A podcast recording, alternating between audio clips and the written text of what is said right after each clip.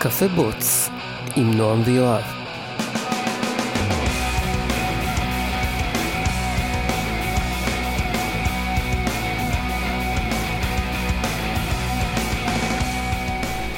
אוקיי, אז עוד פרק של קפה בוץ, ועכשיו על רקע של מסיבה. מסיבה הבאה? איך קוראים למקום הזה? אני תמיד שוכח. אה, גורדון בנט. גורדון בנט? זה מה שפה? כן, זה לא כן. איזה מקום כזה? בחוץ זה גורדון בנט, מאחורה זה, זה הקולי עלמה, וזהו, וכאילו, לבונטין 7 גם קרוב, אבל לא, לא שומעים אותם מכאן. אתה מוקף בפארטי.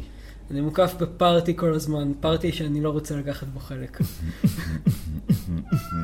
ואם כן. כזה, לא, אבל יש הרבה nice dudes, יש הרבה nice chicks בחוץ, כן, אבל, אבל אתה יש יוצא להם עם מטאטה. כן. כן, ויש כאן הרבה חתולים שמנים שאוהבים אה, אוהבים להיות מעורבים בהכל. כן, לדרוך איפה שאין מקום לדרוך. כן, עד מתי. משולם? כאלה. אה, כן, זהו. יש איזה קטע, נכון? אה, יש כל מיני כנסים שהם עושים מסיבה בסוף הכנס, נכון? כן, הרבה, זה פופולרי מאוד בהרבה כנסים. זה נראה לי מוזר. זה, זה awkward בעיקר כי אנשים הם awkward. כן, כי אנשים הם כזה מתכנתים שהם מעדיפים לשבת ולדבר כזה על כזה, היי, ראית את ה כזה commit האחרון אה, ל-JDK? וזה מרגיש מוזר, כי זה בדרך כלל setup מוזר, הם לוקחים setup של מסיבה רגילה, הם לא אומרים מה יהיה כיף לאנשים שאוהבים לתכנת לעשות במסיבה, הם פשוט עושים כזה, סוגרים מועדון, שמים מוזיקת פופ, אה, אוכל, אלכוהול, ואז כזה, טוב, בואו נרקוד, ואנשים כזה מזיזים את הראש, קצת כזה, קצת מנענעים את הראש, קצת כזה זזים באי נוחות כזה, אם בכלל. כן. וזה מאוד מוזר, כי באחד ה... אחד האחרונים שהייתי בהם, אז גם הייתה הופעת רוקנרול, והייתה להקה טובה, הייתה כן. להקה שנתנה בראש. ואנשים כזה פשוט עמדו והסתכלו ובקושי מחאו כפיים. זה היה מאוד משונה. אה, דווקא לא מסיבות, כאילו חשבתי על כנסים, היה אה, אתמול ושלשום היה את קוד מושן בפעם, אני לא יודע, השנייה או השלישית בארץ. שזה כנס אה, שעוסק אה, ב full stack. כן, חשבתי שזה היה תכנות בכללי, פשוט כאילו, כי ראיתי כל מיני shit שם, ראיתי אנשים מה-AR של אינטל, ו... נכון, אבל הוא מאוד ממוקד ב full stack, אה, חצי מההרצאות עוסקות כאילו ב, באפליקציות, שזה גם די מכוון full stack. אה, השני טרקים של ההרצאות, זה front-end, back-end. כאילו, אני, אני חושב שזה בהחלט אה, כנס full stack כאילו בצורה קלאסית. ו... אמ, לא, הלכתי לכמעט חצי מההרצאות, כאילו היו ממש מעט הרצאות של, מעט מאוד, אה, מעט מאוד סלוטים של הרצאות שלא הלכתי בהם לשום דבר. ואני חייב להגיד שנגיד שליש מההרצאות היו מעניינות במידה כזאת או אחרת, שבהשוואה לפעם הקודמת שהייתי בו, שלפני שנה, אז בהחלט שיפור. לפני שנה כאילו הרגשתי שההרצאות היו פשוט לא- מעניינות או מעניינות אבל מוגשות מאוד גרוע. כן, ההגה ו- של רוע זה בעיה בדרך כלל. כן. כן. אמ, מה עוד יש לי להגיד? אני חושב שההרצאות היו רובן קצרות מדי. היו משבצות של אה, 20 דקות ומשבצות של 40 דקות. סטנדרט.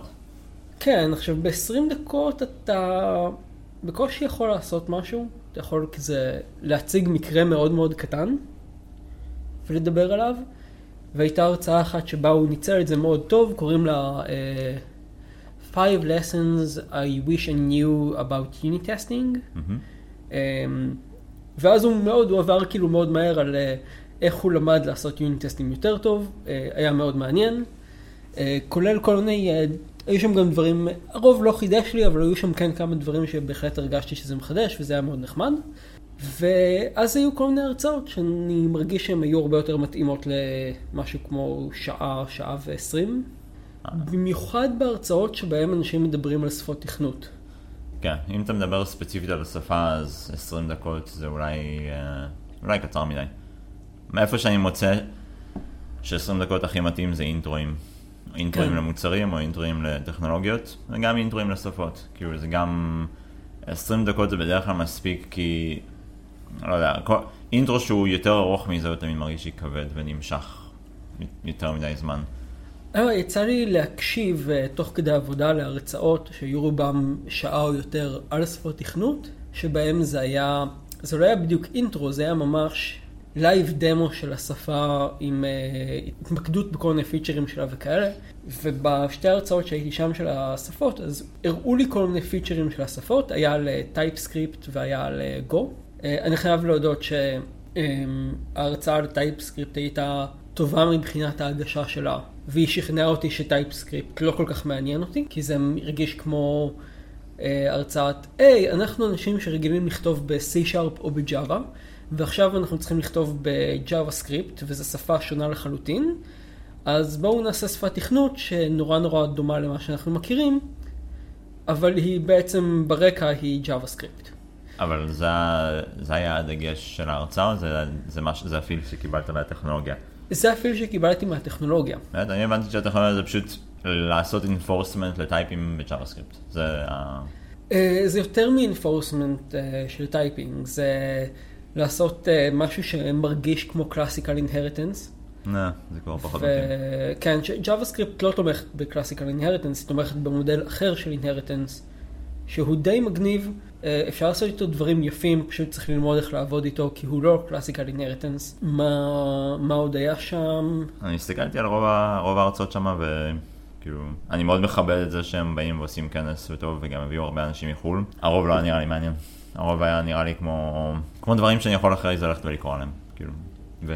זהו, שבאמת הרבה מההרצאות הם הרגישו לי ככה. דווקא הרבה מההרצאות שהתעסקו בעיצוב הרגישו לי ככה. נגיד הייתה הרצאה אחת עם uh, כותרת מאוד מאוד מפוצצת, אבל מה שהוא עשה בעצם, הוא אמר, uh, זה ה-design guidelines של גוגל אה, לגבי פיתוח אפליקציות לאנדרואיד. אה, רוב הלקוחות שלי כיועץ אה, לא קוראים את ה... ה guidelines האלה, ואז אני צריך כאילו כיועץ לבוא ולעבור איתם עליהם. אז הנה אני אעבור איתכם עכשיו על הדברים החשובים שרוב האנשים מתעלמים מהם, והם מאוד מאוד חשובים, ובגלל זה לקוחות כאילו, לא יודע, לקוחות נחסמים לפעמים מה, מה store של גוגל בגלל אלה וכאלה, או שסתם יש להם retention אה, מאוד נמוך לאפליקציה. אמ, לא יודע כמה חיוני זה. כאילו, אני מבין מאיזה מקום הוא בא. אני לא בטוח שזה היה כאילו... אה, ניצול טוב של הזמן שלי ושל רוב האנשים שהיו בהרצאה, ועוד יותר הוא גם היה צריך לכתוב בתיאור של ההרצאה שהוא הולך לדבר רק על אנדרואיד, ולא על user experience באופן כללי, כי, כי זה היה מטעה, הגיעו מפתחי iOS שהיו כזה, אבל מה, מה יש לנו, כאילו, איך אנחנו קשורים לזה? הנחיות ל-iOS מאוד שונות. זה הרגשה שלי מרוב ההרצאות שהייתי בהם בכנסים קצרים. אני חושב שהייתי בכנסים שהם, הרמה שלהם היא בין בגינר למדיום, והיו גם כמה כנסים כאלו שהיה בהם אמנם הרמה הכללית הייתה מדיום, אבל הרצ... היו גם הרצאות שהן היו יותר הארדקור, ורוב ההרצאות ברוב הכנסים פשוט מרגישים לי כמו בזבוז של זמן. פשוט כי אני משתעמם, אני משתעמם מזה שמישהו בא ועכשיו, היי, בואו נעשה intro לככה וככה עם pet store, כזה הדמו המפורסם. זה מיותר, כן. זה ממש מיותר, ואני לא, לא באמת צריך שהחומר יהיה מעמיק, אני לא חייב שמישהו עכשיו יבוא וידבר איתי על ה memory model של משהו, כן? כן, אבל, אבל שזה יהיה משהו שהוא intriguing, שיהיה משהו שהוא... כן. נגיד ההרצאה הראשונה אה, ביום השני, שבעצם אולי זו לא הייתה ההרצאה הראשונה, אני לא זוכר, אני איחרתי ביום השני. זה מישהו, מרצה מאוד מאוד חמוד, מאוד כריזמטי, היה משעשע, אה, נראה לי צרפתי או משהו כזה, כי היה לו מבטא מוזר. והכותרת של ההרצאה הייתה caching, HTTP caching for ponies and unicorns. נשמע מעניין. נכון, זה נשמע ממש ממש מעניין, אבל בפועל מה שהוא עשה בהרצאה, אז הוא עשה כזה, הנה כל מיני caching headers uh, של HTTP, ורוב האנשים לא מבינים מה הם עושים. וזה, לא יודע, זה גם לא מה שציפיתי. כן. ציפיתי למשהו אחר. אה, פתח את המניון, פתח את ה-HTTP spec. כן, וגם זה, זה היה כזה, אוקיי, הייתה לו נקודה אחת מעניינת שה-HTTP spec כתוב די גרוע. עם הרבה מאוד סתירות בין גרסאות שונות שלו, וצריך לתמוך כאילו בגרסאות אחורה וכאלה. ככה שמבחינה הזאת זה כן היה לזה ערך, אבל לא יודע, אני באמת קיוויתי למשהו אחר. נגיד, קיוויתי למשהו שהרבה יותר אה, פרקטי עבורי כמתכנת. לדוגמה, יצא לי לכתוב caching mechanisms עבורי אה, ל Angular, כי היה לי כל מיני מודלים שנמצאים על השרת, ואומנם אמרתי ל Angular תעשה לזה cache, אבל הבעיה שלי היא שאני מביא את המודלים האלה אה, באמצעות resource שמחזיר list אה, של כל המודלים, נגיד רשימה של כל המדינות שאנחנו תומכים בהן ברשימת המדינות, מחזיר את הרשימה הזאת פעם אחת, אבל, כש... אבל הרבה פעמים ה client שלי הוא לא צריך את הרשימה, אלא הוא צריך אחד מתוך הרשימה. נגיד כשאני רוצה להחליף את ה-ID באובייקט אחר, באובייקט כאילו המלא של הרשימה, אז אה, יש לי כבר את הרשימה הזאת, הבאתי אותה, ועכשיו אני פונה למודל שלי, המודל שלי ב front-end, ואני אומר לו, אה, תחזיר לי את ה-ID הזה, ומה שהמודל הזה עושה זה, הוא הולך לשרת ומבקש את המודל הזה. שזה מטופש. כבר הבאתי, רוב הסיכויים שכבר הבאתי את הרשימה של הכל, פשוט ה caching מבוסס על ה-HTTP request, כן. ולא על איזשהו hash שלי. כן. ואז הייתי צריך לכתוב caching משלי. ויש לי תחושה שזו בעיה שנתקלו בה עוד מתכנתים. זה משהו שבטוח כבר נכתב, כמעט. כלומר, אמ, זה נשמע כמו זהו, לא, לא. מצאתי, לא מצאתי פתרונות אחרים. אני הייתי צריך לכתוב פתרון לזה בעצמי. וגם הפתרון בעצמי שכתבתי לא היה מאוד טוב, וכתבתי אותו מחדש, וכתבתי אותו מחדש פעם שלישית, ואני עדיין חושב שהוא לא מאוד טוב. ואיכשהו קיוויתי שההרצאה הזאת תדבר על משהו יותר קרוב לזה. כן. אגב, לא. שאם מישהו מכם מאזין לנו, אה, יש לנו איזה עשרה מאזינים, אז, אה, ואם אתם מכירים caching, אז כאילו, תגיבו, כי זה בטח משהו שהוא מעניין לגלות. כן, כן, זה מאוד מאוד. מעניין. אה, כן, אז ההרצאה לא הייתה על זה. כן. אני אני מוצא ש... והייתה מלאה בבדיחות אה, על אה, My Little Pony, שזה מאוד חמוד אם אתה כאילו... אם אתה brony. כן, אבל אני חושב שהוא היה היחיד כאילו בכל העולם. באמת? זה לא דווקא... אה, לא, הייתה, מישהי שכאילו בוודאות ידעה על מה הוא מדבר. היא עשתה כזה כאילו, וואו, ו heckling כזה. כן, כאלה, אבל זהו. כאילו לא... אה, אני חושב ש- שהרצאות מהסוג הזה זה דברים קצת פחות כיפים. אני לא, אני לא אוהב לשבת ב introductions לדברים, אני לא אוהב לשבת ב... ככה, עובד REST API, וזה מרגיש לי תמיד כמו filler. כן, אני... הרצאות שנהניתי בהן מאוד זה הרצאות live coding.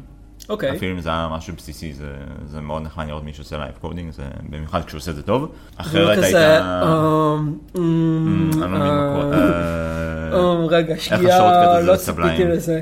אני חושב שהסוד ב live coding זה לא לעשות באמת live coding. לא, לא, עושים. אתה פשוט לא, צריך להתאמן, אתה אתה- צריך להתאמן.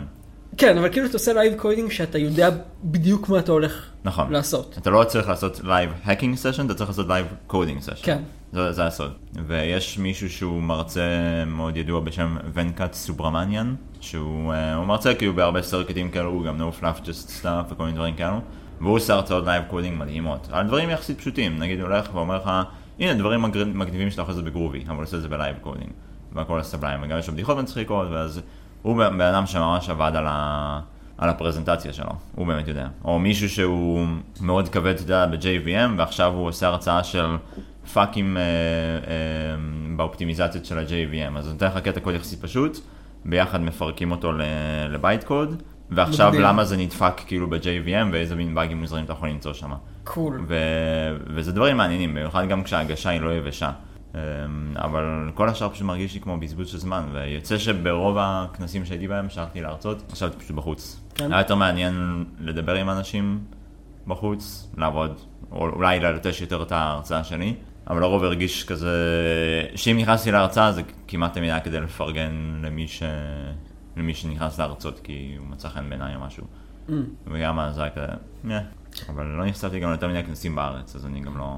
דווקא הייתה הרצאה אחת שמאוד נהניתי ממנה, ומה שהוא עשה זה הוא הציג פרויקט ש... שהוא עבד עליו, ואיך הם ניגשו לפתרון, וברמה, כאילו התמקד בחלק מסוים בפתרון, אה, הוא השתמש באנגולר וב-SVG כדי לעשות אפליקציה מאוד מאוד יפה, מאוד גרפית, מאוד מרשים, ושם הוא הסביר גם כמה בעיות קטנות שהיו, ו... לא יותר מדי, והוא בעיקר הסביר כזה למה הם הלכו על SVG, באיזה בעיות הם נתקלו, אה, נתקלו בעצם, זה פרויקט שעובד עליו לבד, באיזה בעיות הוא נתקל, אה, איך הוא פתר אותם, באיזה ספריות הוא השתמש, וזו הייתה הרצאה ממש מעניינת. לא רק שהייתה מעניינת, הוא גם כאילו בסוף יש אה, כזה דמו שאומר, או, וזה מה שיצא, וזה כאילו מהמם. באמת, הוא אחת, גם תוכנה מאוד יפה, אה, וגם, וגם אה, הצורה שבה הוא הציג את איך שהוא עבר עליה, בלי להיכנס יותר מדי לפרטים, אבל מספיק כדי להגיד לך, הנה, אפשר לעשות את זה, ואם זה מה שאתה רוצה לעשות, אז זה בערך מה שכאילו יעניין אותך. אתה זוכר את השם? אמ, אני לא זוכר את השם של המרצה, כנראה כתוב לי. אני כתבתי ממש אה, הערות בכל ההרצאות, וברובם הספקתי לכתוב את השם של המרצה. יותר מעניין האמת התוכנה, השם של התוכנה. אמ, לא, השם של התוכנה אני, אני לא זוכר, והיא גם אה, תוכנה אה, סגורה. Mm, זו תוכנה שעושה, מציגה מודלים של אה, DNA. זה נשמע משהו כמו שאתה יכול להתפרע עליו ממש עם גרפיקה. כן, כן, זה מאוד גרפי. זה כאילו, יש שם איזה כמה דרכים להסתכל על המודל וכל מיני פרטים שונים שצריך לראות, מאוד מעניין מה שהוא עושה שם. מישהו הראה לי באחד הכנסים דמו של תוכנה שהוא עובד עליה, שהיא תוכנה ל... הוא בעצם בנה UI, הוא בונה UI לטלסקופים אה, של אסטרונומים. אז טלסקופים גדולים כאלו, אתה יודע, של כל כן. ה- כל ה-agencies השונים, הוא בנה, הוא בונה ממשק גרפי לשליטה בטלסקופים האלו. זה היה מאוד מרשים. זה היה- במיוחד הסימולציות שהוא יכול לעשות, זה היה ממש נחמד. זה היה- זה מגניב. גם אחד הדברים שמעניינים שהוא עשה זה הצורה שבה הוא ניגש לאנגולר כדי לעשות משהו שהוא מאוד מאוד גרפי. אה, באנגולר וב-SVG, שזה סוג של אה, אובייקטים XMLים כאלה, מאוד אה, HTMLים, הם חלק מהדום בדפדפנים אה, יחסית חדשים. וזה היה מאוד מעניין שהוא ניגש בצורה הזאת, שהיא קצת פחות יעילה מבחינת חישוב. אה, כדי לעשות משהו מאוד צבעוני, מאוד גרפי, עם המון המון פרטים. וזה קצת גרם לי לחשוב, אם אולי אה, לא שווה לעשות משחקים פשוטים, שאין בהם אה, אנימציות מורכבות, יכול להיות שאפשר לעשות אותם דווקא כן, עם, עם SVG ועם, ועם אדום, במקום לעשות אותם על קנבאס. הרבה יותר קל לנהל את אדום מאשר קנבאס. כן, כן, בדרך כלל כשהם עושים, כשהם אומרים לי לבחור את זה, אז זה בדרך כלל ב, ביעילות, הם מדברים על יעילות של עבודה. כן. כן. כן, הקנבאס זה הרבה יותר מהיר, ואם עושים עם דברים תלת מימד וטרנספורמציות, אז יש את uh, WebGL, ו-WebGL בכלל אמור, uh, לפחות חלק מהפלטפורמות ודפדפנים, הוא אמור לתת ביצועים מאוד טובים, כי הוא יודע לפעמים ממש לגשת למנוע, למנוע תלת מימד של המערכת הפעלה. מהמם. Um, אז מהבחינה הזאת זה, זה כן מעניין, אבל לא יודע, אני כל הזמן חושב על משחקים שהם מאוד פשוטים מבחינה גרפית. wash. קוד וואש. כן, קוד וואש מאוד פשוט מבחינה גרפית, ואני חושב שלגמרי גם אפשר לעשות אותו, אפשר לעשות את כל קוד וואש רק באנגולר. אמ. כאילו לא נראה לי שזה שווה את זה, כי, כי יש עכשיו כבר קוד אה, ושני הדברים ששווים, שעושה את זה. כן. זה, זה גם השאלה אם, כאילו זה נשמע כמו משהו שיצריך הרבה עבודה מ ground up, Mm. זה גם קצת שאלה של אם שווה את זה או לא. נכון. אה, יצא לי לראות אבל משחק שחשבתי שהוא, חשבתי שהוא אה, בפלאש, ואז אה, קצת ח- חפרתי בקוד שלו, ואני לא יודע באיזה framework הם השתמשו, אבל הוא היה כולו על ה DOM, זה משחק, אה, הוא נקרא Game of Thrones Ascension, זה כזה MMO פרימיום של, שכחתי איזו חברה, שהוא מבוסס על המשחק קלפים או המשחק לוח של Game of Thrones. ממותג והכל, באמת? הוא, הוא ממותג. הוא ממותג והוא כולו דום. מעניין. אה, בניגוד לרוב המשחקים האלה שבדרך כלל עושים אותם, בדרך כלל עוד עושים אותם עוד אה, פלאש, כי אין מספיק מתכנתים שיודעים לעבוד עם הקרנבס בצורה טובה. כן. זה היה... כן. אגב, זה משחק שגם גרם לי לחשוב על התחום הזה של המשחקים בתור תחום עם הרבה... של המשחקים הספציפיים האלה בתור תחום עם המון המון פוטנציאל שהולך לאיבוד בגלל, אה, בגלל גישה מסחרית שלדעתי היא לא טובה. מה, כל הקטע הזה של uh, level ups בתשלום שיט כזה? כן, אמ, מסתבר שזה לא מאוד מפתה שחקנים, זה מפתה סוג מסוים של שחקנים, קטגוריה מאוד מסוים של שחקנים מאוד תחרותיים, שאז מה שהם רוצים לעשות, הם רוצים כאילו כמה שיותר והם מוכנים לשלם על זה הרבה כסף, ורוב השחקנים לא מוכנים להוציא כסף על הדברים האלה, ו... והם נהיים מתוסכלים כי הם פתאום צריכים להתחרות, כי הם צריכים אה, להתחרות כן, במישהו שהוציא עכשיו במישהו 200 דולר. שהוציא על זה ו- 200 דולר. כן. ויש כל מיני משחקים שמה שהם עושים אה, יפה, מעט מאוד מהם, זה שהדברים שאתה משלם עליהם, אלה דברים שהתרומה שלהם מבחינת המשחק הכזה in-game היא יחסית קטנה. זאת אומרת, על אה, skinning, או על כל מיני דברים שהם אה, דקורטיביים, או כל מיני דברים שהם הם כן נותנים לך בונוסים, אבל הם בונוסים יחסית קטנים, ו... ועל זה אנשים מוכנים אה, לשלם. הרבה יותר מאשר מוכנים לשלם עבור, אה, לא יודע, אפשרות לעשות עוד פעולות בדקה, שזה דרך אגב המנוע שמגביל בדרך כלל במשחקים האלה. אתה עושה איזושהי פעולה, ועכשיו אתה צריך לחכות כאילו לאיזשהו טיימר, כן. שככל שהמשחק מתקדם אז הטיימרים האלה לוקח להם יותר זמן. כן, או רילודים כאלו. כן, אני מוצא את זה כאילו כסוג של משחק נורא נורא מתסכל, כי הוא מצד אחד אני כן הייתי רוצה לשחק במשחק MMORPG casual שבו אני יכול, שבו אני יכול להיכנס, לשחק 2-3 דקות, לקדם את הדמות או את המשחק שלי באיזושהי צורה, ואז לחזור לזה עוד פעם כזה בערב או בהפסקה הבאה שיש לי או משהו כזה, ואז זה ממש משחק casual קלאסי. אה, במקום זה מה שהם עושים, הם גורמים לך כאילו להיכנס כל הזמן כדי לבדוק האם נגמר הטיימר, כדי שתוכל כאילו לעשות את הפעולה הבאה, ואני מוצא את זה כשחקן כמתסכל. אני- אה, קצת פחות... אה, אני לא אוהב את המודל הזה. בכלל, אני לא... אני לא אוהב את המודל של הנה משהו בחינם ורק תעשה תשלומים אינקרמנטליים קטנים, כי... כי אתה יודע שיש שם קאץ'. כן, אתה יודע שזה שם בשביל שתוציא תוציא יותר כסף ממה שאתה אמור להוציא כדי, לא יודע, אני בכיף אלך לסטים, יודע, אני אשים ותקנה משחק אני ו- אקנה משחק סתם, אולי אני אקנה לו הרחבה או שתיים, ואני אשחק בו, וזה זה בסדר גמור, ואין לי שום בעיה עם זה, והקטע מעצבן אותי כי אני, אני, משחקים שהם בחינם ואני אולי אשחק בהם, ברגע שהם מבקשים ממני לשלם אני אומר תודה רבה, כאילו, אני מפסיק שמה, כי אני לא אולי מפסיק לשחק, אבל אני פשוט לא... נגיד אה, משחקים שהם אה, בחינם, אבל הם סוג של אה, donation ware, הם אומרים לך, כאילו, אם אתה נהנה אז אתה יכול כזה... לא, זה בכיף, אני לא מחשיב את זה. אני מדבר על אלו שהם... או שהם כאלה מונעים שמציעים ממך לך- להתקדם ולסיים. donation ware בתמורה לפרקס שהם אין להם משמעות במשחק אבל הם חמודים. נגיד, לא יודע, תתרום לנו אה, יותר מ-50 דולר ונוסיף דמות למשחק כאילו אה, על שמך, ש... כן. על- כן. על שמך או כאילו על פי דברים לבחירתך או כאלה. כן, לא, זה אין לי בעיה, זה כי די זה גם... מגניב. זה אין לי בעיה כי זה גם מגניב. אני, המודל הזה של פרימי- של פרימים של תשלם כמה אתה חושב שזה כדאי, או אתה יודע, במודל של Kickstarter, שאתה מקבל איזושהי תמורה אפילו מינימלית, בסדר גמור, אין, אין שום בעיה. ברגע שזה כזה, אם אתה רוצה לעבור לשלב הזה, או אם אתה רוצה power-up, כן, אז תשלם, לא יודע. או יותר מעצבן זה, אה, אתה יכול להתקדם מפה, רק אם אתה מאשר אותנו בפייסבוק, ואתה עושה invite לזיבי אנשים. אה, וואו, זה הכי מעצבן. יצא לי לראות באיזשהו אה, וידאו בלוג שעכשיו שכחתי איך קוראים לו, אבל הם מתעסקים במשחקים ומתעסקים בעיקר במונטיזציה של משחקים, או לפחות זה הווידאוים שיצא לי לראות. ובאחד מהם הם דיברו על אה, משחק MMO קוריאני, שאחד מהדברים שהיית יכול לקנות. זה היה אה, מעין אה, פצצה כזאת, שהיית יכול לפוצץ אותה בכל מקום, והיא מפזרת מלא מלא פאוור-אפס, שכולם יכולים לקחת אותם חוץ ממך.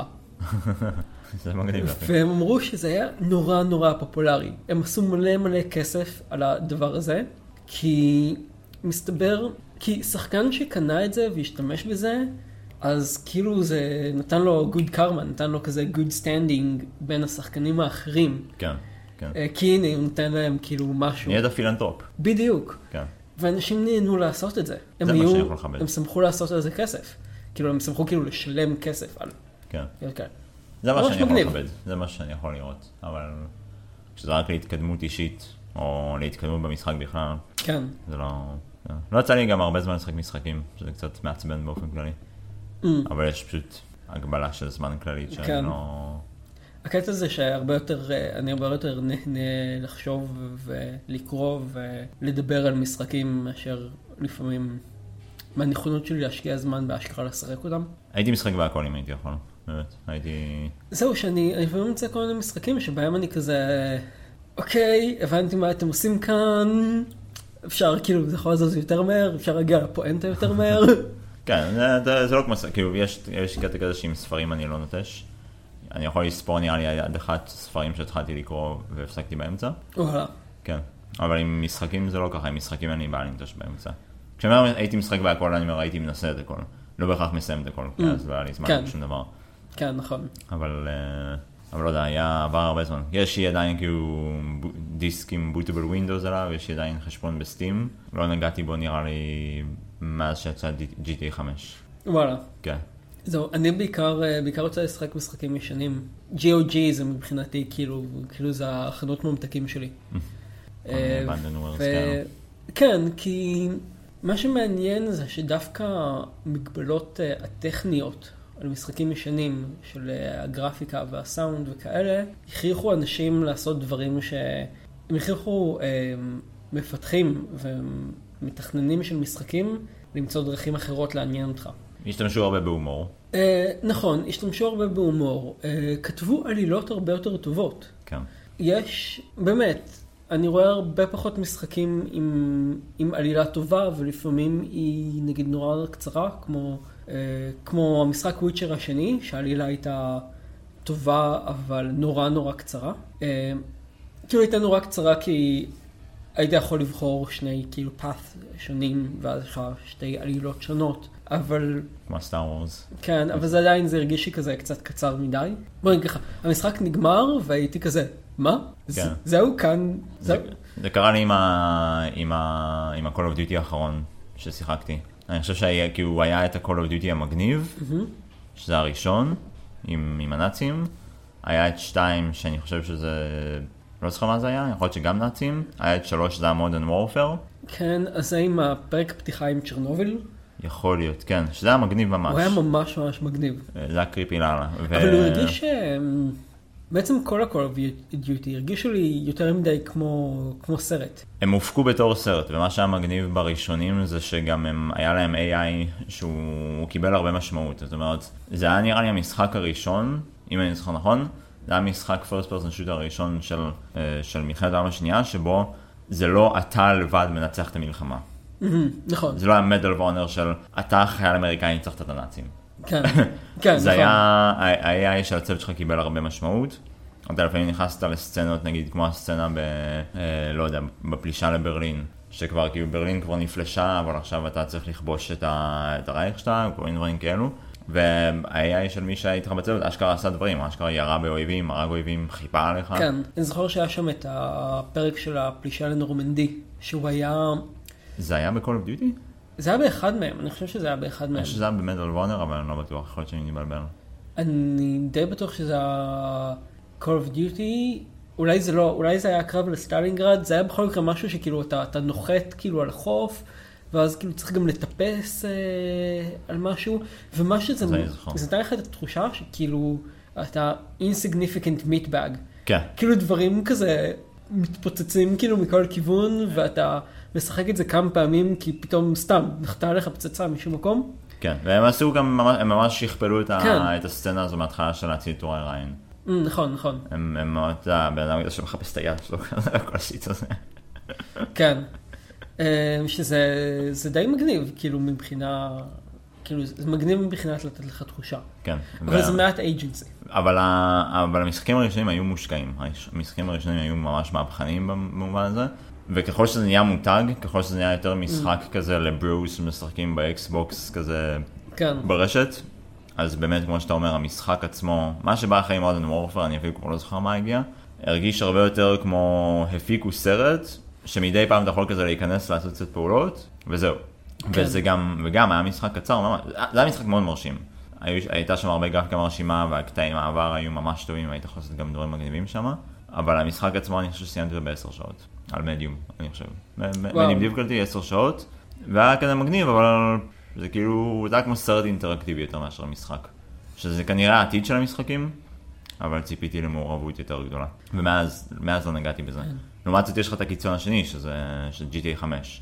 ששם זה זה זה open-ended לגמרי. אבל זה פשוט מנג'ס, זה היה בקטע של כזה, היי, הנה חברה של זה, בוא תיקח אותה לדייט, ואתה צריך לקחת אותה לבאולינג. ואה, אבל אתה צריך ללכת עם, אה, עם, ה, עם הבן דוד שלך כדי להשאיר אותו בקשר טוב, אז בוא נצא איתו למועדון חשפנות.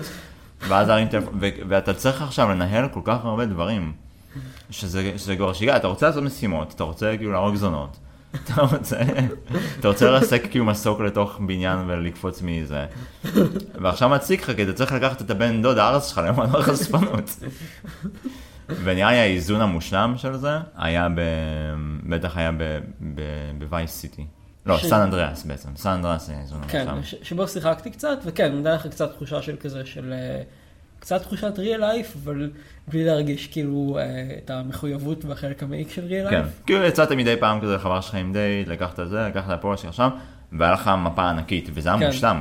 זה היה מדהים מה שהם עשו, יודע, זה שאתה יכול כזה לנסוע במדבר ופתאום למצוא כאילו איזה משהו, וזה היה עולם ממש ממש ממש ממש מושקע, ו- ובלי כל הניג'וס, ו-GTA 5 זה היה פשוט כזה, זה כמו חיים אמיתיים, למה אני פה? אמ, נזכרתי עכשיו שאחד האנשים שהרצו, שדווקא ראיתי אותו, אמ, הוא העביר אה, כמה קורסים באודסיטי וראיתי הרצאות באחד מהם, והוא היה כל כך הרבה יותר טוב בהרצאות האלה מאשר, אה, פנים אל פנים. Mm. יכול להיות שזה גם היה שעה, ויכול להיות שאנשים כזה עוד היו מנומנמים וכאלה, והוא היה כזה, לא גיא.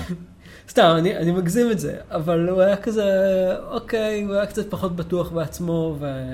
מדינה זרה. הוא בטח כזה עשה נכון. בדיחה שאף אחד לא הבין. הוא עשה כזה, כזה, why the chicken cross the road, ובלה בלה בלה, ואז כזה, מהקהל כזה. לא, אבל בהחלט אה, אפשר להרגיש שכזה, הוא לא... הוא הרבה פחות בטוח בעצמו מאשר בארצות אחרות.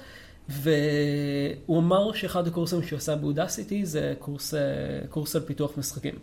יש שם איזה ננו דיגרי כזה, לא? כן, אני לא בטוח. אני זוכר שלקחתי אחד, נראה לי שזה שהוא העביר, והוא כזה, התחלתי אותו, וזה היה לי כזה, אוקיי, אבל זה מתעסק בדברים נורא נורא בסיסיים, שאולי מעניין להבין, אבל לא בטוח שכאילו בא לי להתעסק בזה. ועכשיו מצאתי ספר. אה, מעניין, הוא עדיין בכתיבה, אבל הוא מפורסם כזה בשלבים. יש לו EAP כזה. כן. אמ, ומישהי שכתבה ספר, אה, טיוטוריאל של איך היא פיתחה משחק בהסקל. או. ובגלל שנראה לי מעניין ללמוד הסקל בפני עצמו, כן. ואני חושב שכאילו לפתח משחק זה הדרך הכי כיפית ללמוד משהו, אז אני חושב שאני אתחיל לעשות את זה. אני בינתיים לוקח טיוטוריאל יותר בסיסי על הסקל. למרות שלא נתקלתי בו עדיין בדברים שהפתיעו אותי, כאילו, אף פעם לא עבדתי עם הסקל, אבל כל מיני דברים כמו אין לך משתנים, הכל זה definitions, ומהרגע שהגדרת משהו אתה לא יכול לשנות אותו, זה כזה, אה, אוקיי, סבבה. לא, כבר נחשפת. כן, כבר כאילו נחשפתי. אתה איש העולם הגדול. כן. בינתיים כאילו כבר נחשפתי לכל הדברים האלה, כולל אה, אה, list comprehensions שמשתמשים בהם המון ב Haskell, אבל משתמשים גם, גם הרבה ב Python, אחת התכונות החזקות של Python. באיזה stack גרפי הם משתמשים? זה תמיד מסקרן אותי עם כל אין- האזוטריות. זהו, אין לי, אין לי מושג, אני עדיין לא, לא הגעתי לזה. אז אני. כשאני אגיע אני אוכל לספר. בטח משהו שווה ל-OpenGL כזה. אה, כן, שזה זה הנקודה, בעצם זו היית ממה שלא חוויתי בעצמי, אבל מה שהספקתי לקרוא ולראות הרצאות על זה וכאלה, זה המקום ששפות פונקציונליות התקשו בו, שכשאתה עובד מול חומרה, מול דאטאבייסים, מול אה, חומרה גרפית וכאלה, אז פתאום הקוד שלך הוא כבר לא יכול להיות פונקציונלי, כי זה, להציג משהו למסך זה side effect. כן. זה... כנראה אתה צריך איזושהי אבסטרקציה מעל. כן, אתה, ו- אם נגיד אתה עושה פונקציונלית על JVM, אז כן. זה הרבה פחות כואב. לאבסטרקציה הזאת אה, קוראים אה, monad, וחוץ מזה שזה אבסטרקציה שמאפשרת לך להחזיק side effects בצורה אה, יפה וממודלת בצורה יפה יחד עם קוד פונקציונלי, אני לא יודע להסביר הרבה על מה זה מונד. מילה מוזרה. כן, אני, אני ראיתי כמה הרצאות, קראתי כמה פוסטים בבלוגים, קיבלתי המון המון הסברים, אחרי כל אחד מהם היה לי כזה, אה, נראה לי שהבנתי מה זה, ועכשיו שאני מנסה להסביר מה זה, אז אני מבין שאני לא באמת הבנתי מה זה. כן. כי עדיין לא ניצלת את זה. אה, אתה צריך כן. קודם כל לעשות לזה איזושהי אפליקיישן כן, כלשהו, ואז אתה כנראה תדע להסביר. אה, אני מניח. כן. נגיד, כן צריך להבין דברים פשוטים, כמו... variables. אה, לא, נגיד, כשיש לך אובייקטים מ type T, ואז אה, אם יש לך, אם יש לך פונקציה שהופכת אובייקט מטי- מ type T לרשימה מ type T, ואז יש לך פונקציה שעושה ההפך, את המיפוי לזה ולזה, אה, אז זה נגיד סוג, סוג מאוד פשוט, טריוויאלי של מונד. למה, למה זה מעניין? לא יודע, לא הבנתי נפוצה, עדיין. אולי. אה, בגלל זה החלטתי שאני רוצה ללמוד הסקל, כי קונספטים מעניינים שאני שווה. מכיר. שווה להשאיר. כן. אז מגיע גם מזל טוב, נכון? כי גם אני התחלתי עבודה חדשה, גם אתה נכון. קיבלת הצעה מפתה. כן. ממי קיבלת הצעה? אה, מחברת אה, מטיפיק, מה הם עושים? והם עושים משחקים ללימוד מתמטיקה, בזונה. ומי שעומדים מאחוריה זה שני פרופסורים מהאוניברסיטה העברית, אחד מהם גם היה מרצה שלי באחד הקורסים, אה, הפרופסור אה, רז קופרמן, שהוא מתעסק המון בחינוך של מתמטיקה, והוא מלמד את אחד מהקורסי בסיס אה, שנקרא חשבון אינפיניטיסימלי ל... לא יודע, תלמידי מדעים או משהו כזה, בניגוד לחשבון אינפיניטיסימלי לתלמידי מתמטיקה. הוא כוכב עם הבחורות.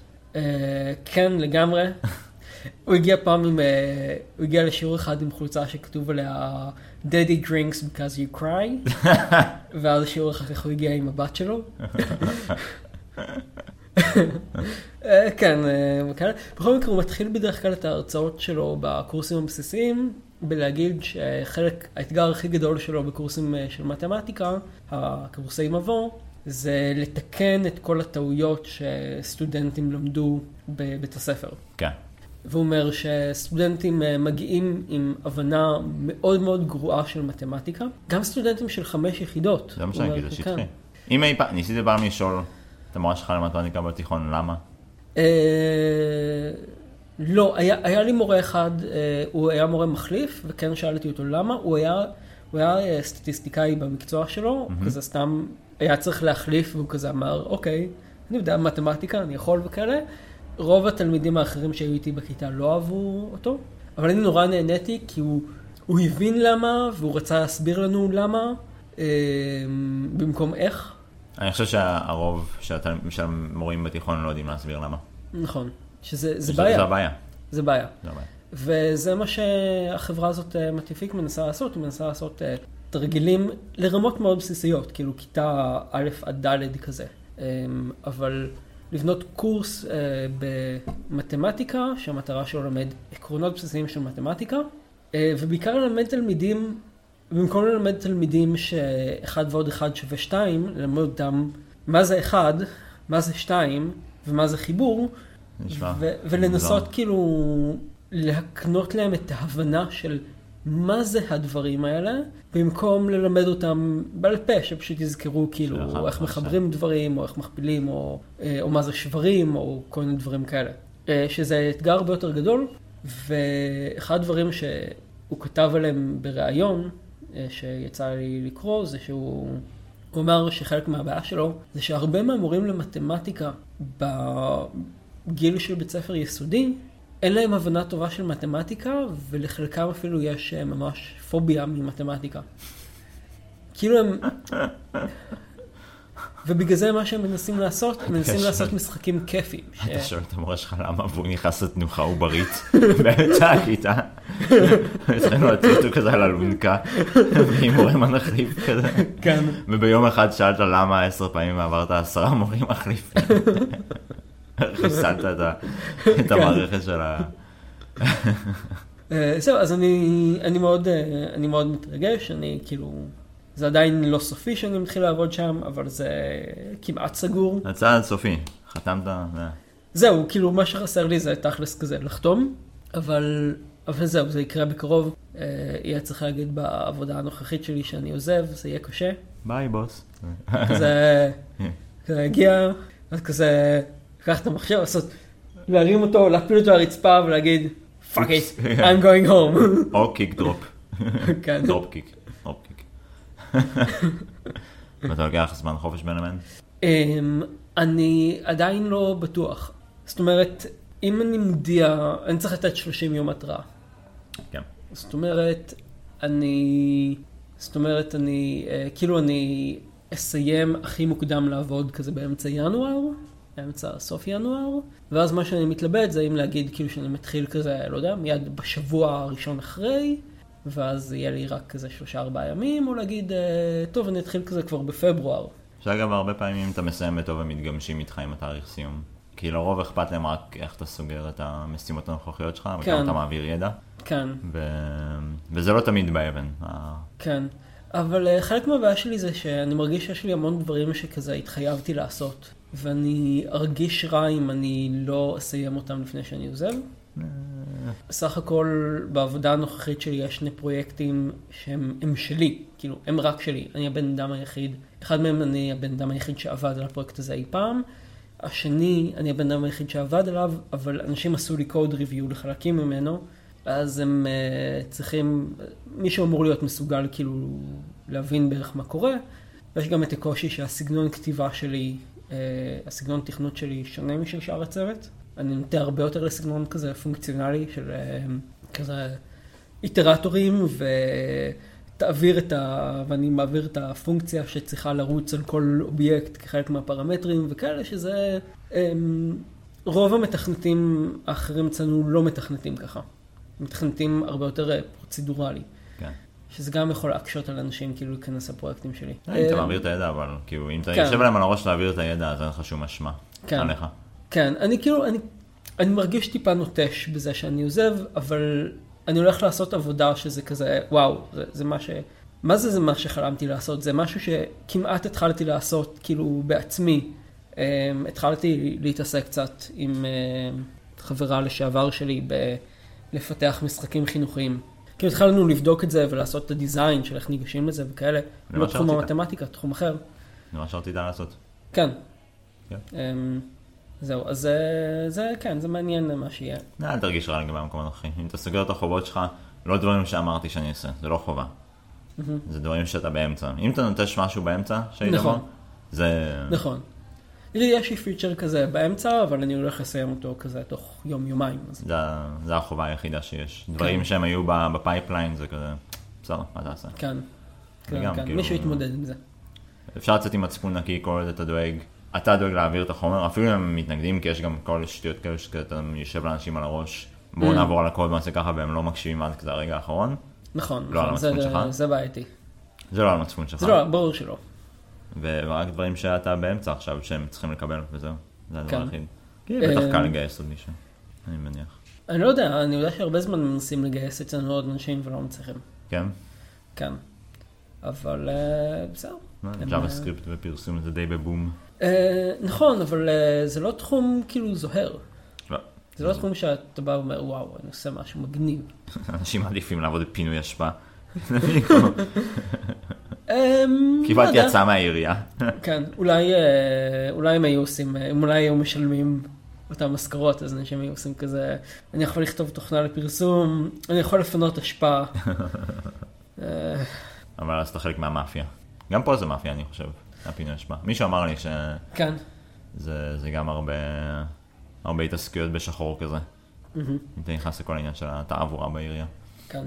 כן, אז תשאלת אותי אם אני הולך לקחת חופש, כאילו, על ה... לפני. אה, וזהו, ואני אני לא בטוח. נראה לי חשוב, גם אם יש לך צ'אנס ללמוד קצת את החומר של המקום החדש לפני שאתה מגיע זה טוב, כן, אני חושב שזה טוב, וגם uh, בשביל קצת לנקות את הראש כזה, לעשות קצת שיט שאתה רוצה. חושב שזה גם שאלה של כמה יש לך לעשות והאם אתה באמת יכול לנצל את הזמן הזה לבד. אני חושב שאם אם, אם זה אומר לשבת ולראות טלוויזיה כל היום, הייתי אומר, לא יוצא חופש. כן, אני קצת מפחד שאם אני אקח חופש, אז זה- זה יהיה זה. זה יהיה כזה, אה, זה כזה, טוב, אני כזה פשוט אה, אראה טלוויזיה ואשחק במחשב אה, כאילו במשך שלושה ימים רצוף, ואז אני כזה, כזה, מה עשיתי?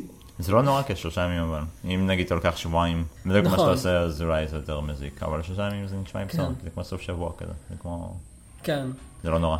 יכול להיות, אה, זה מה שאמרתי שאני כן אסתכל, שיכול להיות שזה כאילו יהיה כן זמן טוב של אה, לטוס לכמה ימים לחו"ל, גם, גם, זה כזה, אה, זה, זה חורף וזה אפשרות כזה לטוס באמצע שבוע שזה יותר זול וכאלה. כן, גם החורף יותר זול בדרך כלל. כן, כאילו באירופה וכאלה. כן. אני לקחתי קרוב לשבועיים חופש, אבל זה גם כי יש פשוט הרבה לעשות, גם כי הרבה הוזנח בגלל הטיסה הארוכה, אז הוזנח פשוט, ב, אתה יודע, בקטע של תחביבים, דברים כאלו, וגם הדירה החדשה, אז יש הרבה עבודה לעשות. Mm, כן, אז עכשיו כאילו הייתי בחופש מאז יום רביעי, והזמן פשוט טס לי, הזמן נעלם לי. הימים, כאילו ישנתי טוב, כן, ישנתי עד איזה עשר כל יום. כן. ממש נחמד, אבל ואז יום רביעי זה כל השלושה ימים. עדיין, כן, מרגיש הרבה אוקיי. זמן, וגם הספקתי די הרבה. רגע, אתה יודע, זה, זה הרבה כזה של לתלות דברים, לנקות דברים, לתקן דברים. נכון, נכון. יש את הזמן הזה שצריך את הדברים האלה, שזה הדברים האלה שכאילו דוחים כי הם לא, הם לא קריטיים. נגיד אה, ערימת המסמכים שיש לי, יש לי נגיד המון ניירת שצברתי, ואני כל הזמן אומר לעצמי, טוב, בסוף שבוע אני כזה אשב ואני אסדר ואתייק ואעבור כל מה שלא צריך, ומה שכן צריך אני אכניס את זה לאיזשהו מקום שיהיה לי קל למצוא את זה אחר כך וכאלה. וזה כבר כמה סופי שבוע שכל פעם אני אומר, סוף השבוע הזה אני עושה את זה, ואז אני לא עושה את זה כי זה לא, זה לא קריטי. זה לא כמו נגיד אה, שצריך אה, לנקות את החול של החתול וזה מסריח. כן. ואז אני כזה, אוקיי, אני אעשה את זה עכשיו כי לא נעים לי. זה גם יש דברים שאתה, שקשה להספיק אותם בערב, אז אם נגיד אני עדיין עובד במשרה מלאה, חוזר הביתה בשבע או שמונה, כי לא יודע, זה היה רחוק באותו זמן. אז גם, מה אני כבר יכול להספיק אחרי שמונה בערב, מבחינה של שיפוץ בית? נכון. לא, לא הרבה, כאילו אני לא יכול לקדוח כבר כל כך, אני יכול, אבל זה לא יהיה, כן, השכנים לא יאהבו אותך לא יאהבו במיוחד. את זה שאני קודח. גם לתלות, אתה יודע, אם אני צריך לדפוק עכשיו בקיר, כאילו, לבנים או בלטות, זה לא... אז, אה, אז זה זמן טוב לניצול, בעיקר של שיפוץ בית, ואני מקווה שגם יישאר אחרי זמן, כי, כי פשוט, ככל שאני עושה יותר, זה נראה כאילו יש יותר דברים, כן. ואני מקווה שגם יישאר זמן חופשי, גם בשביל לעבוד על הפרויקטים הצדדיים קצת, גם בשביל לעבוד על הפרויקטים הצדדיים, גם אה, האנשים במקום החדש היו מספיק נחמדים אה, לתת לי כבר את הלפטופ, אה, מגניב. שאגב סחבק עבר למק, לא, אוקיי. לא מבחירתו. אוקיי, אבל דיברנו על זה, ואמרנו זה כזה שזה. זה לא בחירה רעה. זה לא בחירה רעה, זה נראה הגיוני. אמ, שזה משהו שחשבתי על זה שאני צריך להגיד אה, במקום החדש, יש אה, ששני אילוצים מוזרים, אני לא יודע, בעצם אני לא יודע איך הם עובדים, אבל כן. צריך להגיד, אחד זה שאני לא מוכן לעבוד על מחשבי Windows, מהמם. לא, זה לא... כאילו לא, אלא אם כן זה shop של C-Sharp, שהוא מאוד לא, לא, הם לא- לא, הם לא איך עובדים לא עם שאלת על זה C-Sharp. קודם? איך לא שאלת קודם מה ה stack שלהם? אה, אני יודע מה ה stack שלהם. אה, אז בסדר. כזה הוא כמו שאני עובד עכשיו, ג'אנגו אה.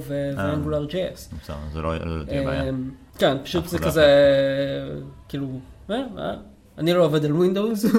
וגם עבודה בישיבה. כן, יצא לי ב- בראיונות עבודה וכאלה, יצא לי, נתנו לי פתאום כזה מחשב Windows וכזה, מה אני עושה פה? וכזה, באמת, הי- הייתי בראיון עבודה, שבו נתנו לי מחשב Windows, ואמרו, כן, ומותקן על זה כאילו כמה IDEs ו- וכאלה, ולא תהיה לך בעיה, ואז אני כזה, אוקיי, איך אני מריץ את ה-IDE? זה ממש ככה, ואני מרגיש מוגבל, אני, יש את התמונה הזו של כזה כלב עם עניבה ומשקפיים יושב במשרד, אני מרגיש מול מחשב Windows, באמת, כן. אני מרגיש כן. מאוד מוגבל. שבאמת, כאילו- כאילו, יותר גרוע מחשב Windows, הלפטופ, ש-enabled עליו ה touch, ה tapping, כשקליק של העכבר על ה trackpad הוא גם עם tap, וואו, בכלל. זה, לא. אה, כן, היה לי מחשב שזה היה, זה היה ה setting שלו במשך הרבה זמן, ואז ביטלתי את זה, כי כל הזמן הייתי נוגע בו בטעות. זה מה שה Macים עושים יפה, שממש צריך ללחוץ כאילו פיזית. ללחוץ, אתה צריך לבוא, אתה צריך לעשות עליו אה, fucking הנחתה של ה-WWF, שאתה בא כזה עם המרפק וכזה, כזה ככה, ואז ככה אתה לוחץ על ה Macים. כן, אבל ככה נגיד אתה לא לוחץ בטעות על דברים תוך כדי שאתה נכון, מקליד. זה אפשר להשאיר עם tapping, זה נכון. אה, כן, והדבר השני זה שאני אה, אני עובד, אני עובד בעמידה. הגעתי כן. למצב שבו כאילו אני אתה חייב. אגב, לא, אני לא חייב, אבל אבל. כאילו עמדת דסק רגילה, ממש לא נוחה ולא בריאה לי, ושני הדברים שכן אני יכול לעבוד איתם הרבה זמן, זה או בעמידה, או לשבת על שולחן מאוד נמוך, כאילו או לשבת ממש ממש נמוך, כאילו, ואז אני לפעמים אני יושב או בישיבה מזרחית, או כאילו מה שמי שעושה יוגה מכיר את זה כסוכסנה, שזה כאילו עם שילוב רגליים, ואז אני כזה יושב בגובה של 30-40 סנטימטר, והרגליים כזה למטה, ואז זה מכריח אותי ליישר את הגב. כאילו כל הנקודה זה שאני פשוט צריך כאילו, אני צריך משהו שיכריח אותי ליישר את הגב, ואז אני לא פוגע, בק... כאילו ואז אני לא פוגע בכתפיים. זה משהו שצריך לדבר עליו לפני, לפני נכון, מגיע. נכון, זה כאילו איך- שחתמת, כן. you're in bitch, ואז כזה, כן, זהו, אז כאילו, כאילו איך שאני כזה אשלח להם את הכזה חוזה חתום, ואז אני אגיד, אה, אה, אוקיי, ואז יש, אה, כן. כן. זה חייב. שזה לא כזה לדפוק, זה לא דברים מסובכים. אה, אבל אתה יודע איך זה, לפעמים זה קצת לנער את ה... את הקונבנציות שאנשים שרגילים כזה, טוב, מגיע עוד חדש, בוא נקנה לו כזה עוד שולחן וכיסא מאיקאה. כן, ואז זה כזה, "מ, לא. כן. ויש לא. שגם להם יש שולחנות עמידה, אבל הבנתי שהם די יקרים. באיקאה. כן, אה, מה שאגב עובד ומאוד הגיוני זה לא צריך שולחן עמידה, צריך, אה, נגיד, עכשיו אנחנו מקליטים אה, אצלי בדירה ויש לי את השולחן עמידה שלי, שזה מעין מדף בגובה של מטר. זה שולחן בר. כן, זה שולחן בר. הוא בגובה מטר, או אולי מטר וחמישה, משהו כזה. אז אתה יכול גם לשבת בכיסא בר וגם לעשות, שזה הדברים הכי טוב, כן. לעשות את האלטרנציות. נכון. אגב, גם שווה לך מאוד לקנות אה, משטח יוגה מגומי עבה, וכשאתה עובד בעמידה אז לעמוד על משטח, Mm, על משטח גומי, כי אז זהו, האמת, לפחות אה, לחצות כן. כפות רגליים. כן, נכון, זה באמת משהו ש... שמציק לי. אה, יש לי משטח אה, יוגה, ואני אף פעם לא חשבתי לעבוד, לעמוד עליו בזמן שאני עובד, ובאמת, אה, גם כשאני עובד בעבודה, אם אני מגיע עם נעליים שכזה קל כזה להוריד, אז אני מעדיף לעבוד, לעמוד יחף. זו המלצה מקובלת, אבל. כן. כן. סיגמה שעובד שגם... כן, ולשים, כן, באמת זה כאילו, זה מתחיל לכאוב בכפות רגליים לעמוד על הרצפה כן. הרבה זמן. כן, אז זה פלוס Synergy אפילו עובד נראה לי יותר טוב. Mm. נראה לי. אה, אני מניח שיש לך Synergy כלשהם. זהו, שאין לי, אולי, אולי אני חשבתי הרבה זמן שאני צריך לקנות. כן. אה, זהו, אז, אז הם נתנו לי את המחשב של העבודה, והלכתי לאסוף אותו אתמול, עדיין לא, לא עשיתי איתו שום דבר, זה פשוט כזה vanilla installation כזה, אני חושב שזה כמו שלך, זה Pro? אה, כן, זה Pro 2013. כן, זה כנראה משהו דומה. וזהו, ואז כשאני אסיים, אני מניח שאני אסיים בכמה ימים קרובים את כל העניין השיפוץ בבית, יש עוד כמה דברים לקדוח, כמה דברים לתקן, כמה דברים לצבוע. אה, אז אני אוכל כזה, אני אוכל להתחיל להתפנות יותר לתחביבים, יותר רציתי קצת להתעסק עם ה media center בבית. קניתי כן. Raspberry Pi, אז להתקין על זה Kodi, יהיה נחמד. או, זהו, חשבתי, זה משהו שייתן לך נגיד אה, לשדר אליו אודיו דרך המחשב? כן. כן? אבל זה, זה, זה, כלומר המחשב הוא פסיבי במובן הזה, אבל אם אני עושה NFS על המחשב, אז הקודי יכול לקרוא את, אה. האוסף אודיו הזה. וואי, מגניב, אולי אני אעשה את זה אצלי. אה, לי יש מערכת ישנה שהייתה של ההורים שלי, משהו מגניב כזה, שנות ה-80, תוצרת צרפתית. טקניקס. כן, זה טקניקס. כי הם צרפתים. אבל זה בלי Q ו-U ו-E ו-Z ו-S. כן, הם ניסו אפוסטרופי. לפנות לקהל בינלאומי. אה, וזו מערכת שהיא נשמעת, אה, היא נשמעת טוב. כאילו יש קצת מגעים שצריך לשחק איתם, ואז פתאום זה, ואז כאילו פתאום זה נשמע מעולה. ואפילו יש לה, אפילו יש לה פטפון שחסרה לו מחט ואין כבלי חשמל מתאימים. מחט זה שיט יקר, לא? מחט יכול להיות טיפה יקר, כן. אה, לא, לא כמו אחד חדש, אבל אתה יודע, זה. אה, בעיקר ה- מה שאבל הפיל אותי זה, יכול להיות שהמחט, יש מחט, יכול להיות שהיא היא כנראה אולי פשוט כבר שחוקה מדי. כן. פשוט אין לי, אין לי תקליטים, אז כאילו אין לי מה לעשות עם זה. אה. יש לי חנות תקליטים מחוץ לבית, אבל לא, גם לא, לא, די- לא מאלה. גם stack עם טייפ ורדיו וכזה. כן. רדיו אפשר היום לשמוע באינטרנט. נכון, לא- נכון, ברדיו אני לא משתמש, אבל. אה, אני משתמש ברסיבר שלו, שהוא עדיין רסיבר טוב. כן. זה גם- לא, זה גם עוד משהו שמאוד רציתי לעשות זה גם, יש לי עוד רספרי פאי, אה, שקניתי שניים. הייתי רוצה לנסות לשחק עם מה שדיברנו אז עם ה... אה, עכשיו ברח לי השם. אה, זה שאתה יכול לתכנת מוזיקה בפאי. אה, נכון, נכון, אה, אה, סאונד פאי, או... משהו עם פאי. כן, משהו עם פאי. כן, כן, אה, כתוב לי ב... באיזשהו מקום. זהו, אז יש פאי הזה, וזה אני יכול לחבר אותו כאן למחשב, לשחק איתו. גם גיליתי שהלך לי ה desktop, כאילו לא באמת הלך לי ה desktop, אבל הלך לי הדיסק data הראשי ב desktop, Mm, שבזמן שהייתי כאן בגלל הסופות והפסקות חשמל, אז נוצרו איזשהם bad blocks בדיסק של ה data. כן, זה מה שקרה עם הלפטופ הפרטי שלי. למרות שהוא כבר, תכלס הוא, בגלל שהוא לפטופ ויותר קשה להחליף חלקים וכאלה, אז הוא די כזה glorified paperweight כן. מבחינתי. ב- ביומיים האחרונים אני כזה מנסה להריץ כל מיני בדיקות על ה hard drive כדי לגלות אם זה באמת היה רק לפרמט מחדש ולג... ולהחזיר גיבוי, או שבאמת הוא פיזית. שזה קצת מבלבל, כי פרמטתי, יצרתי, קודם כל ניסיתי לתקן את ה bad block שנוצרו, אבל אוקיי. זה לא הלך. אז פרמטתי, והרצתי עליו כמה תיקונים, כאילו כל מיני בדיקות, אתה יודע, כאלו שלפעמים לוקחים כמה ימים bad blocks ו-FSCK וכל מיני דברים כאלו. סמארט, הכל מדווח תקין, אבל כשניסיתי לשחזר מגיבוי, אז הוא, היו לו הרבה בעיות עם הרבה קבצים, שזה היה מאוד מוזר. אני לא ממש בטוח מה לחשוב על זה. זה היה גם רשום unknown error, שזה בכלל, כן, זה כזה, אוקיי.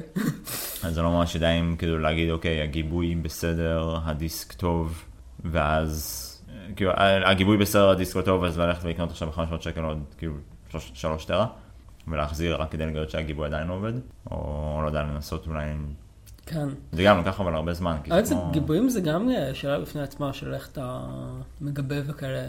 יש לי תוכנה שעד עכשיו חשבתי שהיא מאוד טובה, CrashPlan, היא, היא ממש טובה. אתה יכול לגבות לכל מיני sites, ויש להם גם CrashPlan Cloud, שאם יש לך סט קטן של קבצים, נגיד תמונות שמאוד חשובות לך, אז בנוסף לגיבוי לוקאלי אתה יכול גם לגבות את זה אצלם בענן. אוקיי. זה בגרסת פרושם, היא תוכנה מאוד טובה, ואתה יכול גם לעשות אותה על כמה מחשבים שונים בסוג של distributed model, כי אתה מתקין את האג'נט הראשי אצלך במחשב, ועוד כמה אג'נטים במחשבים אחרים. Mm.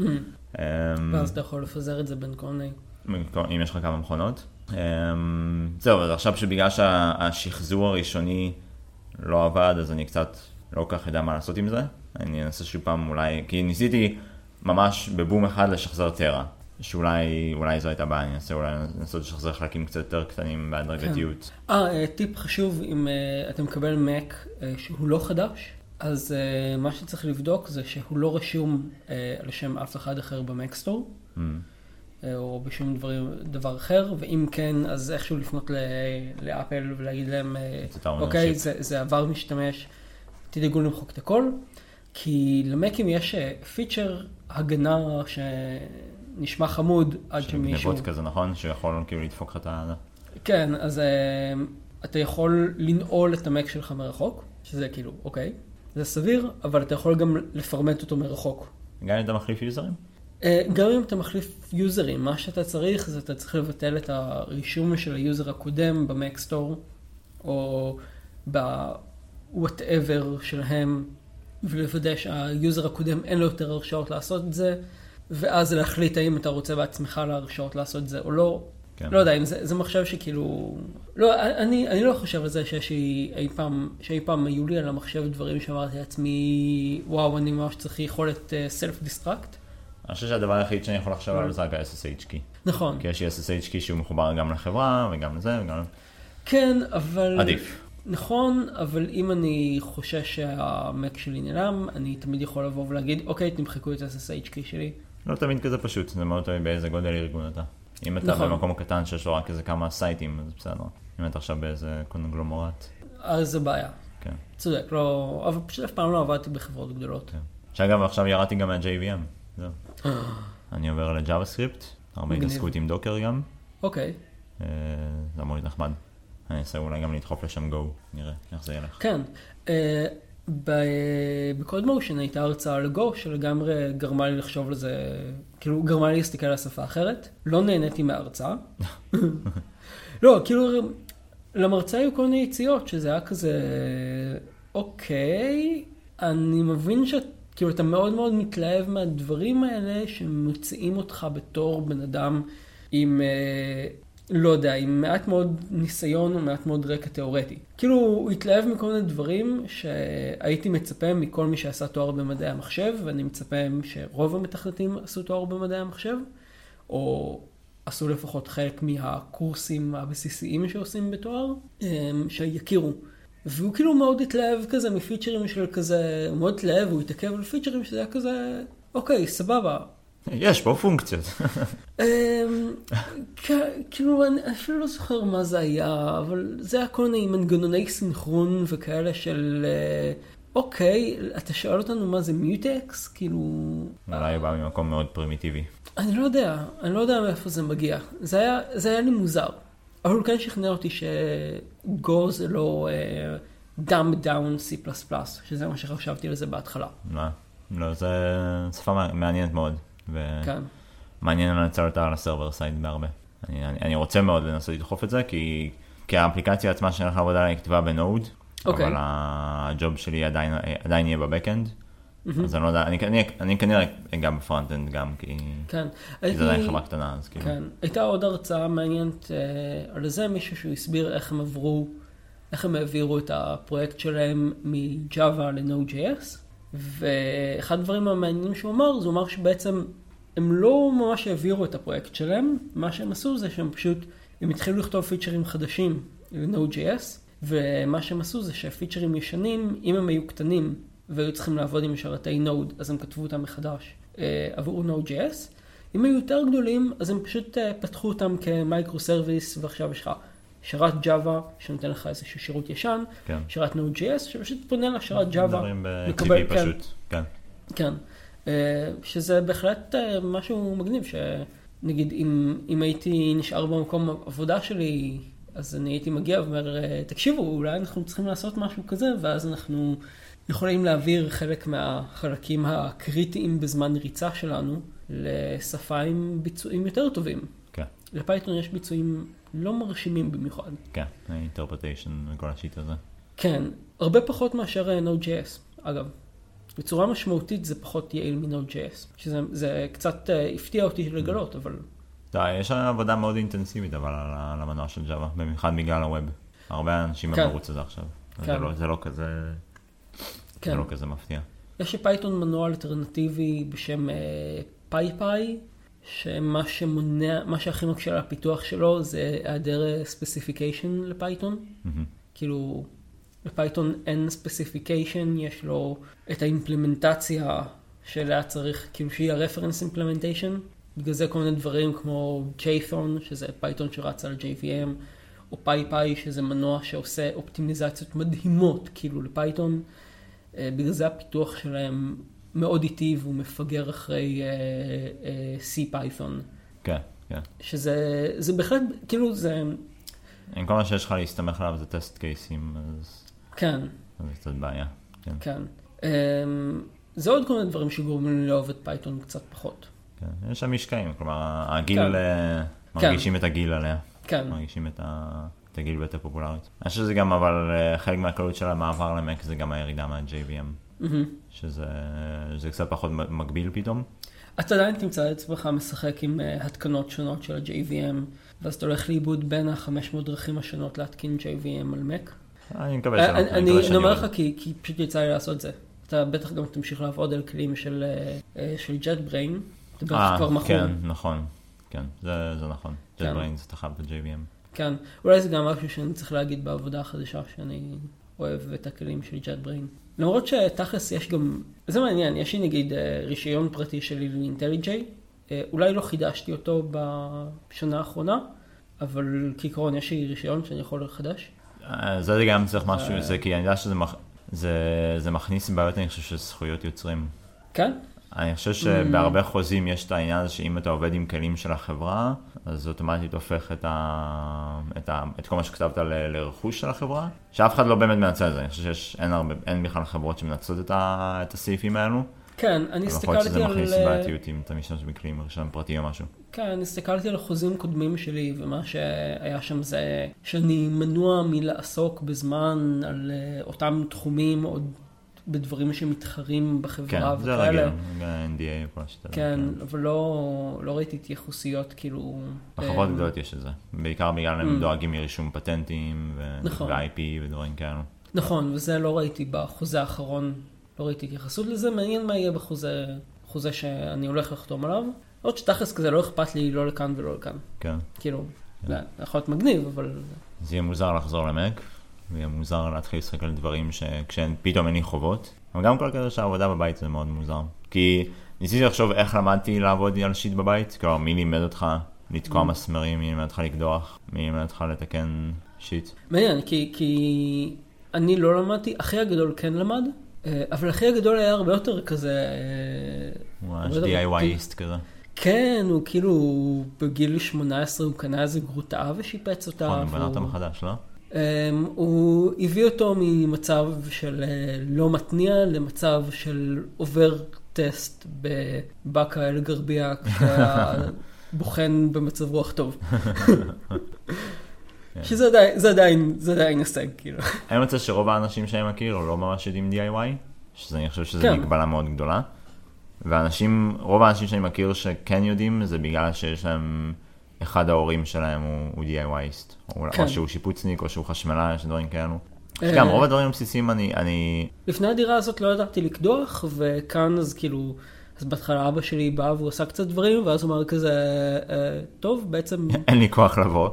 טוב, אבא. שלי, כאילו, אבא שלי כאילו די מבוגר, וזה עדיין, זה פיזית וזה קשה, אז הוא כזה אמר, אה, טוב, אה, ככה עושים, ככה מודדים שזה נכון וכאלה, ואתה תהיה בסדר, תשאיר את המקדחה כאן, בוא נדבר אחר כך. כן.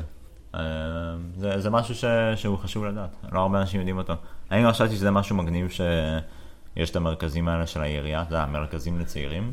כן, חשבתי שזה מגניב אם מישהו יפתח, אם מישהו במייקר שופ או במרכז של העירייה אה. יעשה קורס של DIY, חשבתי שזה יכול להיות מאוד מאוד כן. מועיל.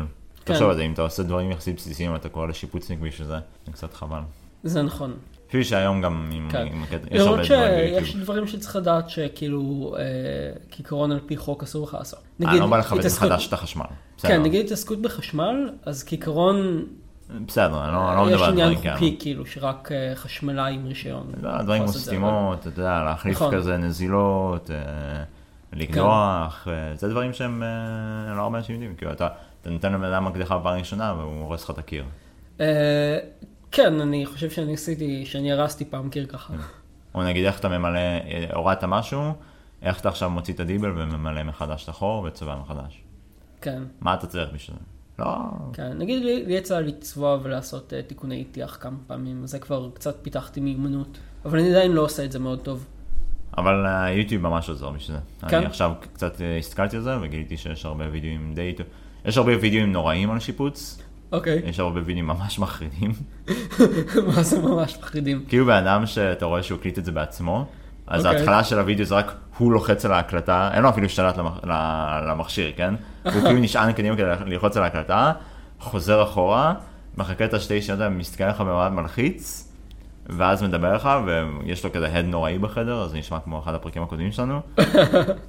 ו- וגם בקושי שומע אותו כי יש סאונד על הפנים. אה, יש כמה מוצלחים, אבל יש כמה מוצלחים שהם גם יודעים באמת להסביר, גם נותנים לך כל מיני טיפים כאלו, ו... אתה יודע, טיפים של מקצוענים כזה של, אתה יודע, איך למזער את הכמות אבק שמתפזרת בחדר, ו... או, מגניב. איך כאילו, איך לדעת שמשהו באמת כמו שצריך נעשה, כן. וזה באמת עוזר במובן הזה. יש כמה ימים עכשיו של DIY, שזה מאוד מספק, גם בתור מי שלא עושה DIY ומתעסק עם מחשבים. פתאום עכשיו כשאני עושה DIY זה גורם להרגיש יותר גברי כזה, זה גורם להרגיש כן. כזה זה hard working man כזה. גם יש משהו הרבה יותר מספק בלעשות דברים פיזיים, כי אתה כזה... התוצאות מוחשיות. כן. כזה checking myself כן. out כזה אחרי זה במראה, וכזה הולך להונקי טונק, כי היה לי יום- עבודה קשה. אז אני הולך עם הנוהג בטראק שלי, אה, בטח, בטח. אני בטוח שזה מה שקורה. הולך לשתות אצל מרי לו. טוב, זהו? אה, כן, נראה לי... נראה לי זהו להיום. תודה. תודה משולם. כן, תודה משולם. תודה לדובי. אה, אל. תשנא אותי אחר כך, תודה למועדונים. אל תשתין, לא במיטה, ולא על הבגדים שלי. לא בגדים. כן. ביי. ביי ביי.